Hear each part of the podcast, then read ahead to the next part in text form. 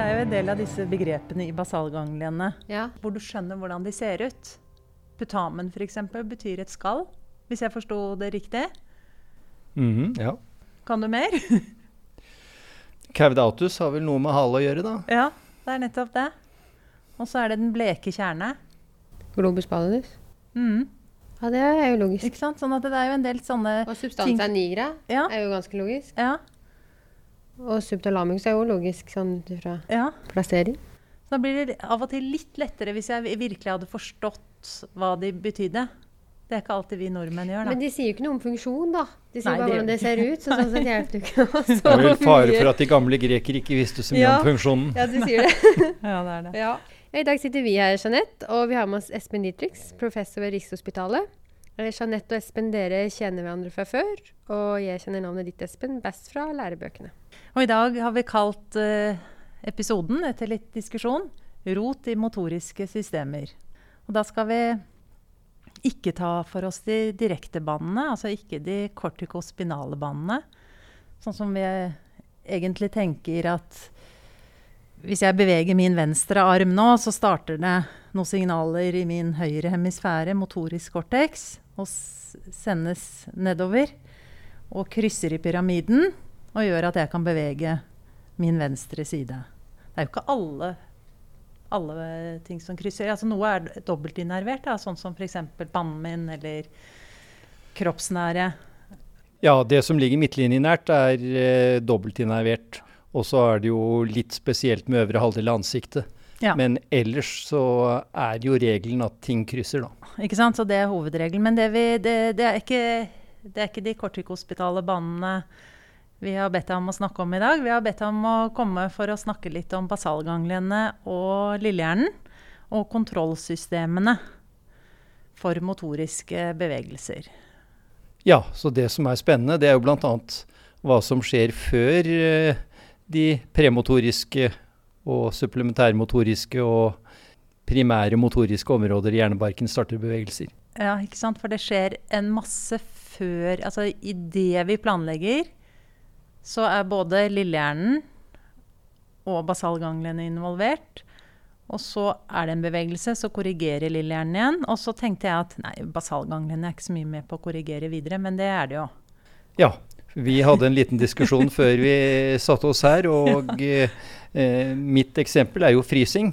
Vi Ja. vet at Parkinson-pasienter de kan stivne helt opp, og det er jo fordi basalganglene svikter. Vi er helt avhengig av basalganglene også for å kunne drive med jevne og rytmiske og kontinuerlige bevegelser.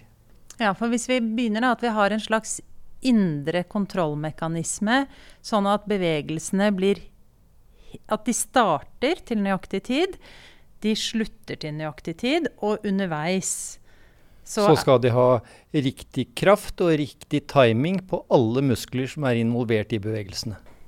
så Hvordan får vi til det?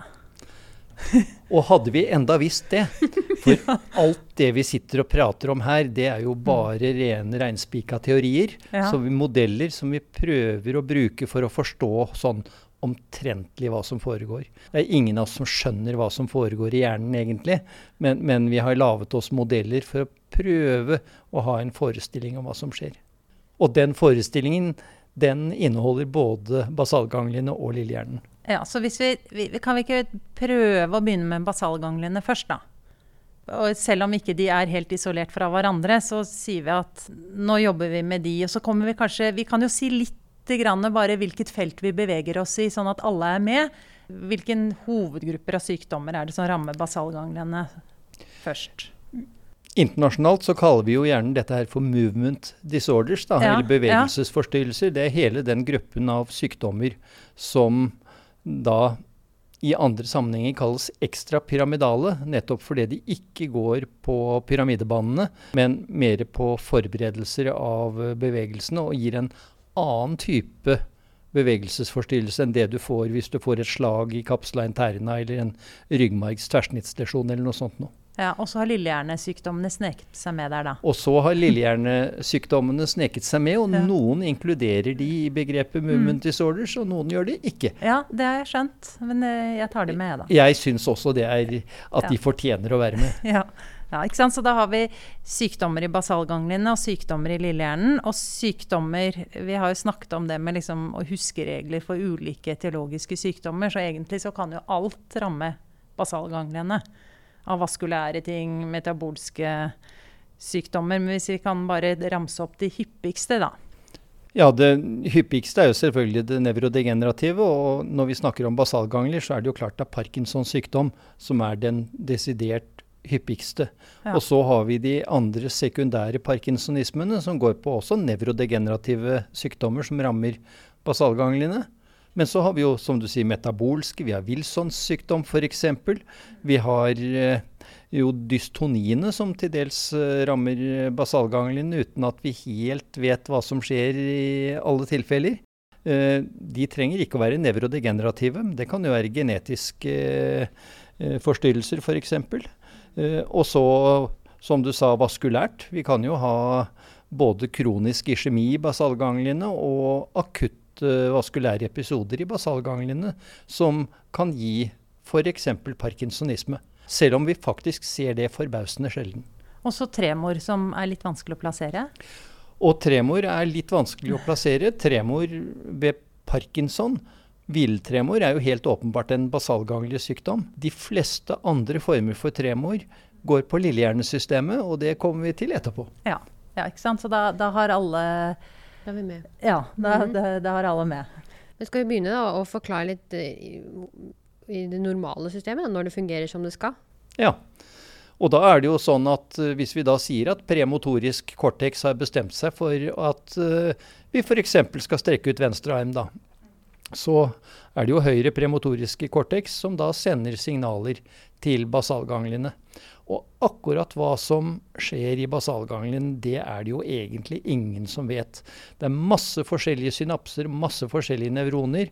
Og som mange av dere har hørt om, den direkte og den indirekte banen gjennom basalganglene, Og så samles signalene i indre segment av globus paldus og sendes via thalamus og tilbake til motorisk cortex. Og da tror vi det er sånn at det vi kaller den indirekte banen, er med på å finjustere helt presise bevegelser. Sånn at vi f.eks. kan bevege fingrene helt presist. Og så har vi dette indirekte systemet som ikke er koblet én til én, men hvor eh, hvert nevron eh, divergerer og kontakter masse andre nevroner, sånn at signalene spres over et mye større område og kommer til et mye større område i cortex. Og der tror vi altså at mens den direkte banen sørger for at vi kan gjøre små, presise bevegelser, så vil det indirekte systemet gjennom basalganglene sørge for en lateral inhibisjon. Sånn at jeg kan bevege fingrene uten at jeg veiver med håndleddet og albuen og skulderen samtidig.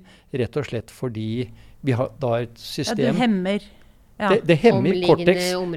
Ja. ja. ikke sant? Så det, eh, det, ene setter litt gass på, og det andre setter litt ja. brems på. Det direkte systemet gjør at vi kan virkelig gasse opp og bruke små, fine, raske fingerbevegelser, mens det indirekte systemet hemmer cortex rundt, sånn at naboleddene kan holde seg i ro. Ja, egentlig er jo det litt sånn nok. Men så bruker man jo altså Det, det som syns jeg er litt vanskelig, det er når du kommer med disse lysarkene med alle disse banene, og så er det på direkte så er det sånn pluss, minus og minus. Det mm. blir pluss. Ja, Og uh, derfor stimulerer den direkte ja, banen. Ikke sant? For dette, det, det, bruker da glutamat først, og så kommer en, uh, en negativ GABA. bane med GABA, så da blir det pluss, minus, minus. Og D1 ja. og D2-reseptorer. Ja. Ja, men, ja, foreløpig ja, holder vi de utenom, for okay, dette, de er modulerende. vi må bare tenke minus er GABA, og glutamat er pluss. Og så har vi bare pluss, minus, minus er pluss. Ja. For, foreløpig så snakker vi bare om kretsen fra motoriske barkområder gjennom basalganglene og tilbake til cortex når du skal begynne å snakke om dopaminreseptorer, så inkluderer du substansa nigra. Og dit har vi ikke kommet ennå. Nei. Nei. Så dette er den direkte banen som går altså ovenfra via striatum. Mm -hmm. Og så går den Direkte fra striatum ja. til indre segment av globus pallidus. Ja, og så og talamus. talamus, og, og, så opp igjen. igjen. Ikke sant? Så det, det, er, det er egentlig ganske Og sånn lett. direkte den stimulerer et mindre område, mens den indirekte hemmer omliggende motoriske områder for å gjøre en bevegelse presis, slik at du ikke får masse tilleggsbevegelser som gjør den mindre presis. Og men kan man si det så enkelt da, som at hvis den direkte banen ikke fungerer så godt, så får man mindre bevegelser, og hvis den indirekte ikke fungerer så godt, så får man medbevegelser som man ikke vil ha? Ja, det er jo faktisk veldig mye av det som er noe av poenget med overbehandling og underbehandling av Parkinsons sykdom. Ja. Men la oss ta den eh, ikke sant, Nå har vi tatt den direkte banen, som er pluss, minus og minus. Men de som hører på, de har jo ikke de skjemaene for seg. Nei, men jeg tenker faktisk at det er litt hjelp da, å tenke Ja. på at det er en stimulerende bane. Og som, som du sier at den andre er inhiberende, er det fordi der kommer det nemlig inn en minus til, og det er min huskeregel. Ja, da kommer og det inn da, en minus blir, til. da er det liksom matten. eh, ja. At når det blir en minus til, da, da blir resultatet minus. Dette er minus minus blir en, Nei, enkel pluss, minus multiplikasjon. og minus og minus. Det blir minus. Minus ganger minus ganger minus er minus. Ja. Den direkte banen er bare minus ganger minus, Nei, og det blir pluss. Og forvirringen er komplett. koser vi oss. er det, kan vi tenke litt sånn? Er det, Ja, det er vel sånn vi tenker. altså, Det er i hvert fall sånn jeg tenker. Ja. Og, og, og mer komp altså, det er jo ikke sånn i virkeligheten, men dette Nei. er sånn Når vi prøver å lage en forenklet modell, så blir det sånn. Ja, men da er den også Den indirekte banen går først via striatum, og så går den inn via noen an, andre litt små kjerner som Noen aldri jeg husker. husker. andre små kjerner. Er det greit å si? Ytre segment av globus pallidus og nucleus Ja. subtalamicus. Det spiller ingen rolle. Ja. Poenget er at det er ett negativt nevron til, Til, ja. innskutt, sånn at mens den direkte banen eksiterer, Mm. så vil den indirekte banen inhibere. Og fordi den divergerer på masse forskjellige nevroner, så sprer den seg over naboområdene til der den direkte banen. Sånn at vi har lateral inhibisjon, som vi Ja. kaller det. Ja, det, jeg syns egentlig at jeg skjønte det litt selv, jeg. Ja.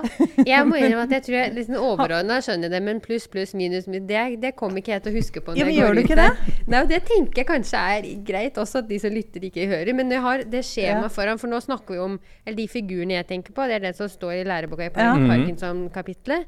Og da står det jo veldig greit, selv om man må følge det på en måte Ja. litt slavisk. Så, så skjønner jeg det, men overordna tenker jeg at det er en det er en teori, og Ja. total på en måte forståelsen av det er det vi snakka Ja. om. Ja. Og det er det jeg tar med meg videre, og resten tenker jeg det er lov å ikke huske Absolutt. Ikke huske. Ja. Overordnet så er det sånn at du har et system som sørger for fine fingerbevegelser, som stimulerer et bitte lite område i hjernebarken. Og så har du et annet system som hemmer naboområdene, sånn at du ikke veiver med hele armen. Men da har vi, ikke sant, da har vi jo ø, sykdommer som gir for mye bevegelser, og sykdommer som gir for lite. Ja. For da kan vi godt ta, ta det med parkinson, for da kommer vi tilbake kanskje til substansia nigra og andre systemer og modulerende nevrotransmittere. ja. For, fordi dette her systemet med den direkte og den indirekte banen, det er jo selvfølgelig altfor enkelt. Så vi må ha noe som påvirker det systemet.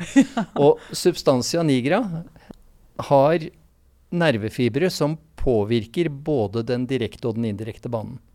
Og det er sånn at Substantia nigra skiller ut dopamin, og da er det sånn at det stimulerer den direkte banen enda mer, sånn at vi blir enda flinkere til å bevege fingrene. Men så hemmer den den indirekte banen. Og det gjør jo at den bremser, altså den, den ødelegger litt for den laterale inhibisjonen. Og det betyr at jeg kan bevege fingrene selv om jeg samtidig beveger armen. Sånn at den sørger for at den laterale inhibisjonen, at den blokkeringen ikke blir altfor stor. Ja, men sånn, når er det men akkurat passe. Når er det nyttig, da? Er det Ja, F.eks. hvis jeg skal gre håret, så vil Ja. jeg både bruke fingrene og hele resten av armen. Så med sammensatte bevegelser, da? Som er sammensatte bevegelser er mulig å utføre fordi den laterale inhibisjonen står under kontroll. Mm. Den er ikke total hele tiden. Ja, det er jo Så både pusse tennene og gre håret og, og litt av hvert er det praktisk å ikke bare bevege fingrene, men faktisk også kunne bevege resten av armen samtidig. Det høres, eh, Ja. det høres veldig fornuftig ut. Syns du Ja, ikke for jeg det? tenkte? Vi nevnte jo freezing eh, helt i starten. Men er det, for da har jeg av og til tenkt at når en med parkinson går, og så er det ofte freezing kommer ofte hvis det er, hvis det er en dørstokk eller endring av noe at man, Da har jeg tenkt litt forenkla at da har de behov for å endre litt av det be bevegelsen. Og da blir det et problem. Har det noe med det å gjøre da? Eller er det andre mekanismer for å forklare det? Nei, altså det er, det er jo ledd i det samme, for så vidt. Altså disse systemene er jo Foreløpig så har vi egentlig snakket om planlegging av bevegelser. Eh, og disse systemene er også aktive underveis i bevegelsen og sørger for at vi kan fortsette å bevege oss. Uh, men det som skjer ved Parkinsons sykdom, det er jo da at hvis uh, substantia nigra faller bort, vi ikke har dopaminstimulering i basalgangliene, så får vi da mister vi altså stimuleringen av den direkte banen. Og da blir vi tregere til å bevege fingrene. Og så mister vi den hemningen av den laterale inhibisjonen. Så da blir den laterale inhibisjonen så stor at den blokkerer alle bevegelsene igjen. Så hele området blir inhibert? Og hele, hele ja. området blir inhibert. Og da blir vi rett og slett akinetisk. Vi klarer ikke ja. å bevege oss. Eller bradykinetisk. Ikke klarer vi å starte bevegelser, og de bevegelsene vi klarer å få igjennom, de blir langsomme og klossete. Sånn at, og den mest ekstreme formen, det er freezing, eller tilfrysing, hvor du stopper helt opp. Ja, Så da har du skikkelig på en måte brems på hele systemet? Ja, hele systemet ingen, bremser. Ingen pluss og masse minus. Masse minus. Ja, Vi som er glad i de, da. Skal vi ta litt videre da på de hyperkinetiske, ja. og hva som, uh, hva som skjer der? For hvorfor er det da det er jo akkurat det motsatte. For hvis vi ikke sant, Ved Parkinsons sykdom så mister vi dopamin, som gjør at som jeg sa, at vi mister stimuleringen av den direkte banen, og, og vi får for mye lateral inhibisjon. Hvis vi overbehandler med levodopa eller en annen dopaminerg behandling, så får vi akkurat det motsatte. Da overstimulerer vi den direkte banen, sånn at vi får en overstimulering av hjernebarken der. Og så tar vi fullstendig kverken på den laterale inhibisjonen. ja, ja, så, sånn at både armer og bein flakser i alle retninger. Så det, det som på dystoni også kalles overflow-begrepet, altså ved at du får en spredning av bevegelsen til nærliggende områder, det er at ja, du ikke får noe når, når vi snakker om dystoni, som jo er også relatert til basalganglien i mange tilfeller, så er det nettopp det vi tror, at en av, eller en av de viktigste teoriene tror at dystoni skyldes at den laterale inhibisjonen ødelegges. Og hvis vi mister lateral inhibisjon, så får vi aktivering av altfor mange muskler og, ledd. Mye mer enn det vi egentlig skulle. Vi får en overaktivering av, uh, av ekstremiteter, f.eks. Så nå har vi vært innom tre nevrotransmittere, eller kjemiske signalstoffer i hjernen. For vi har hatt glutamat, og så har vi hatt GABA. Og så har vi introdusert en modulerende nevrotransmitter, dopamin. Eh, men fra tidligere så behandlet man jo parkinson med et fjerde. Og det er også tylkolin. Og eh, da begynner det å bli enda mer komplisert. Og det er for når vi da eh, prøver å titte inn i striatum, da, der mm. eh, eh, nervefibrene fra substansia nigra kommer og kontakter den direkte og den indirekte banen, så er det jo enda mange flere synapser. Og en av de synapsene som vi da må legge til inni der, det er internevroner som skiller ut acetylkolin.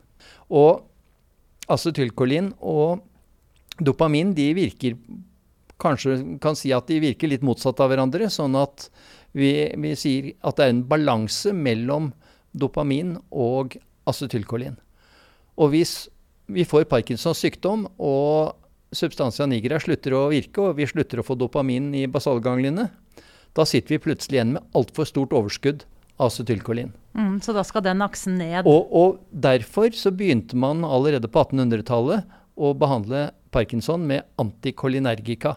Med preparater som blokkerer virkningen til acetylkolin. Og hvis man da har for lite dopamin og tar ned acetylkolin i samme grad, så gjenoppretter man en balanse. Og derfor virker akineton fortsatt på Parkinsons sykdom. Selv om vi ikke liker å bruke det. Og grunnen til at vi ikke liker å bruke det i Norge, det er fordi eh, Parkinson-pasienter er gamle mennesker som får demens som bivirkning av akineton. Så, sånn at det er ikke noe morsomt preparat å bruke. Nei, men, det, men det, virker. Det, det virker ikke sant, på bevegelsene. Nå har vi snakket ganske mye om basalganglene. Mm. Eh, Men jeg glemte, men sånn som Huntingtons sykdom, da. Hvor passer det inn i det her? Jo, altså faktisk så er det sånn at ved Huntingtons sykdom så skjer det nevrodegenerasjon spesielt to steder. Det ene er i hjernebarken, sånn at du får demens og psykiatriske symptomer. Og det andre er i striatum. Og av en eller annen grunn så ser det ut til at den største nevrodegenerasjonen ved Huntingtons sykdom skjer i det indirekte systemet i basalgangliene. Og det Ja, ja, betyr nettopp. At ved Huntingtons sykdom så mister du lateral inhibisjon, og så får du ufrivillige bevegelser. ja. Ja. Jeg syns egentlig det, dette var veldig forståelig. Det, det, ja, stort sett. Stort sett. Stort Er det noe vi bør jeg, Jeg vi- oppklare, syns du? Nei, jeg syns liksom de store linjene var greit. Og så er det noen Ja. detaljer der som jeg tenker er greit. eh, Liksom, det er lov å ikke skjønne alt òg. Ja, ja, det er det jo. Men vi har bare sveipet innom liksom, noen av de hyppigste tilstandene. Men jeg tror vi må ha med oss litt på lillehjernen også. Ja, det eh, og så kan vi komme litt innom tremor, da. Som jo egentlig er den hyppigste av alle bevegelsesforstyrrelsene. Det er det. Hvis du drar med essensiell tremor. Essensiell tremor kan vi ikke glemme, og det er Nei. den hyppigste av alle bevegelsesforstyrrelser. Eh, så, eh, men hvordan tenker du lillehjernen da er med på å kontrollere bevegelser? Jo, eh, for det første så er jo lillehjernen også viktig for å planlegge bevegelsene. Og når eh, de premotoriske områdene da har bestemt seg for å bevege, så går det altså ett impulstog ned til basalgangliene. Samtidig så går det ett impulstog som krysser midtlinjen og går til motsatt lillehjernehalvdel. Og motsatt lillehjernehalvdel beregner hvilken muskelkraft som skal brukes, og hvilken timing, altså når skal hver muskel kontrahere seg, og hvor lenge skal den være kontrahert. Det er Kraft og timing det er de to viktigste tingene som lillehjernen bestemmer. Og så beregner den det for alt som skal skje i bevegelsene, og så sender den signaler tilbake igjen over midtlinjen og tilbake til motoriske områder. Sånn at eh, forhånd, den kanskje aller viktigste forhåndsberegningen skjer i lillehjernen. Ja, ikke sant? Jeg tenkte på en måte at den aller viktigste funksjonen til lillehjernen var korrigering. Men der eh, var du eh, veldig uenig. Ja, For det er det, du kanskje, det er det man merker selv hvis man tar opp en, en melkekartong, og så er den, eh, tror jeg at den er full, og så er den tom. Og så liksom du kjenner den korrigeringen. ja. Eh, For, for da vil du Stort sett så løfter du den opp 10 cm, og så klarer du å stoppe bevegelsen. Og neste gang du skal eh, løfte den samme kartongen, så legger du på riktig kraft med en gang. Selv om du bare har løftet den en gang før, ja. så antar du nå at neste gang så inneholder den bare en skvett melk, og da, eh, da legger du på akkurat riktig kraft. ja. Sånn at det er motorisk læring. At lillehjernen korrigerer underveis og lærer til neste gang hvordan det skal være. Ja. hvis du går i en trapp, da. Du skal gå i en trapp. Vil det være lillehjernen da som hjelper deg? på en måte For du, på en måte, du tar et par trinn, og så har man på en måte lært seg avstanden, og så går resten automatisk. Ja, Lillehjernen er viktig for motorisk læring. Dette med trapp, det er hvis du går i en trapp med uvant høyde og lengde på trinnene, Ja. så eh, provoserer det lillehjernen ganske mye, og da eh, bruker du litt tid på å lære hvordan du skal gå i den trappen. Men, men lillehjernen er både viktig for forhåndsberegning av bevegelsene og for å hele tiden få tilbakemelding, sånn at man kan korrigere. Og når vi gjør en finger-nese-prøve ikke sant, og, og titter på hva som skjer med fingeren som nærmer seg nesen, så hvis man virkelig hadde filmet med høy oppløsning, så ville man sett at hele tiden så skjer det bitte små korrigeringer fra side til side, sånn at man treffer presis på nesen. Og det ser vi jo med folk med lillehjernesykdom, ikke sant, hvordan de får en ganske tydelig intensjonstremor fordi dette korrigeringssystemet ikke funker. Nå er det noen som sitter og tar seg på nesa her. ja, det er flere. Pekefinger er den med. Ikke sant? Og, og de treffer nesene sine, så de har tydeligvis friske lillehjerner. Ja, ja. Men vi ser det jo ganske fort om folk har friske lillehjerner. For man både hører og ser det, og hvordan de korrigerer bevegelser. Ja. Eh, men eh, vi snakket jo om tremor, som kan være en lillehjernesykdom. Så er det mange andre grupper.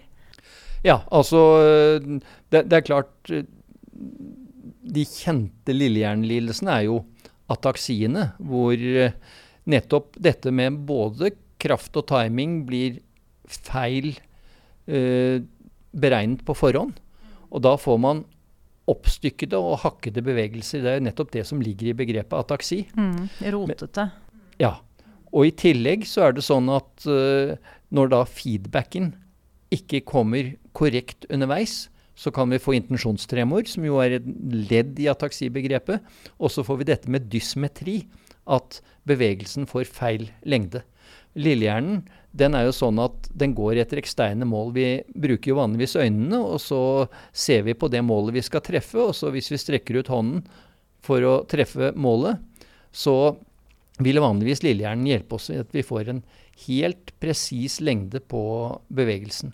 Men hvis lillehjernen svikter, så blir denne beregningen av muskelkraft og timing feil, og da blir bevegelsen enten for kort eller for lang. Og feil lengde på bevegelsen er det vi kaller dysmetri. Og det kanskje aller mest typiske det er at bevegelsen går forbi og må korrigeres tilbake til målet. Da kaller vi det en overshoot dysmetri. Men e egentlig når vi sitter og snakker om dette, og, og er jo helt utrolig at vi, har, at vi ikke faller mer, eller at vi er så nøyaktige som vi er. Så hvorfor er vi har vi så fine motoriske bevegelser, de aller fleste av oss, Så hvorfor går ikke mer feil?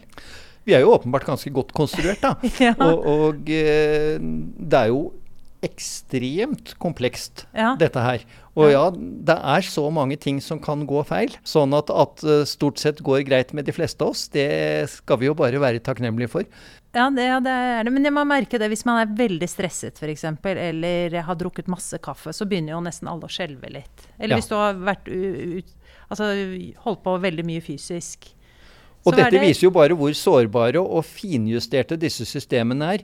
Og det går både på lillehjernen og på basalganglene. Det er som du sier, ikke sant. Alle med psy psykisk eller fysisk stress begynner jo å skjelve hvis de går med et fullt brett med suppe eller bærer et fullt uh, kopp med, med kaffe. Da uh, søler man veldig lett. Så da Og- får man egentlig bare forstørret det litt sånn indre systemet, da. For det, det, jeg har i hvert fall hørt at det sendes jo egentlig signaler ut på en oscillerende måte. Sånn som du sier, hvis du bare tar forstørrelse av meg Ja. nå, så, så ser vi ikke noe. Men hvis Nei. du hadde liksom forstørret det opp Ja, altså vi har jo en fysiologisk tremor, for så Ja, vidt. Men, ja. men det er sånn at de systemene vi har for å korrigere og for å justere bevegelser, de er så finjusterte at hvis det begynner å bli bråk i resten av systemet i form av fysisk eller psykisk stress, så blir rett og slett presisjonen dårligere. Og da begynner vi å skjelve, og da bommer vi kanskje attpåtil på kaffekoppen hvis vi skal eh, gripe ut etter den og er stressa.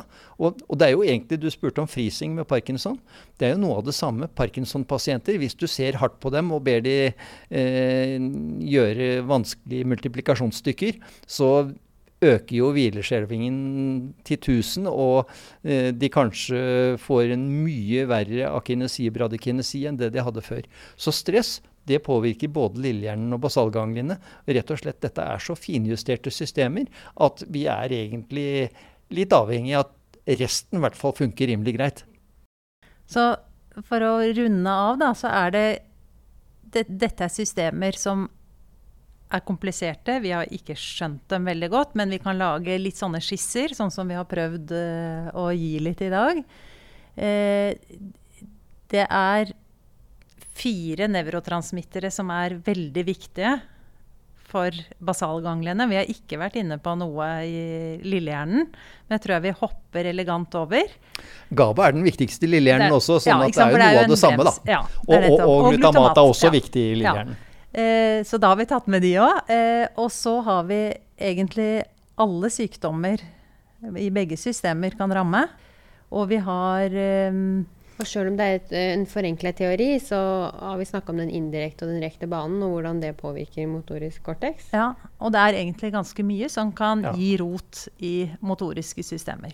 Og det lille vi ikke har snakket om Nå tenkte du at Ja. du avsluttet, Ja, men, det- men, ja, det er men, fint, men det lille vi ikke har nevnt, egentlig, det er essensiell tremor. For Ja. vi tror, i tillegg til intensjonstremor, så tror vi jo at også aksjonstremor, altså enten en posturaltremor eller en kinetisk tremor, også skyldes en forstyrrelse bl.a. av banen fra lillehjernen via thalamus til cortex. Ja. Så vi tror at lillehjernen også er involvert på en eller annen måte i andre typer tremor. Av og til ser vi andre typer aksjonstremor ved lillehjerneskader. Og ved sånn som essensiell tremor så vet vi ennå ikke helt hva som ikke funker. Men rot i systemet, det er det uansett. ja, ikke sant? Er det noe annet vi har glemt å spørre om, Espen? Jeg syns vi har vært igjennom mye. Ja. Det syns jeg òg. Skal vi si oss fornøyde, da? Jeg tenker det. Ja. Så bra. Tusen takk for at du kom. Bare hyggelig.